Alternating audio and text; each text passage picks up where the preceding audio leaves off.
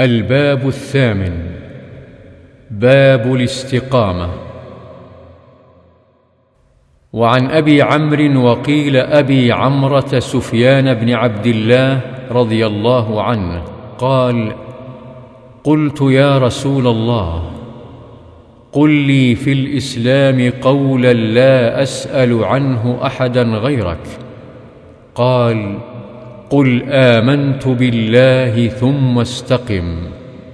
رواه مسلم.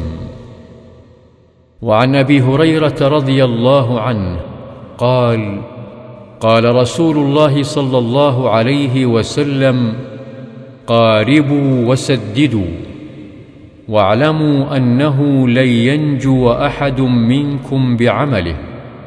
قالوا ولا أنت يا رسول الله؟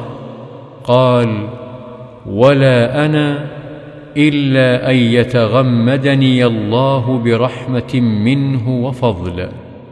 رواه مسلم.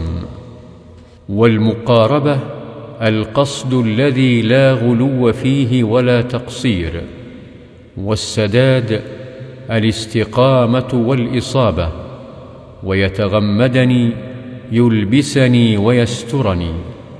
قال العلماء معنى الاستقامة لزوم طاعة الله تعالى.